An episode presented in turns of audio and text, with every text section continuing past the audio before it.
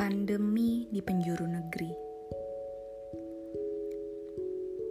Siapa yang tahu tentang esok?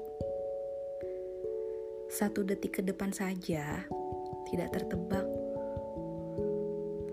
Siapa pernah inginkan pandemi? Menghayalkan terjadi saja rasanya ngeri. Siapa menduga akan bencana? Setiap insan hanya menghayalkan indahnya rencana. Hmm, kita mengalaminya sekarang. Semua merasakan dampaknya.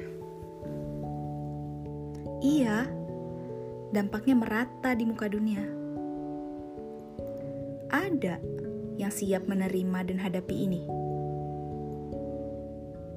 Tentunya tidak. Apakah dengan saling hujat, pandemi akan lewat?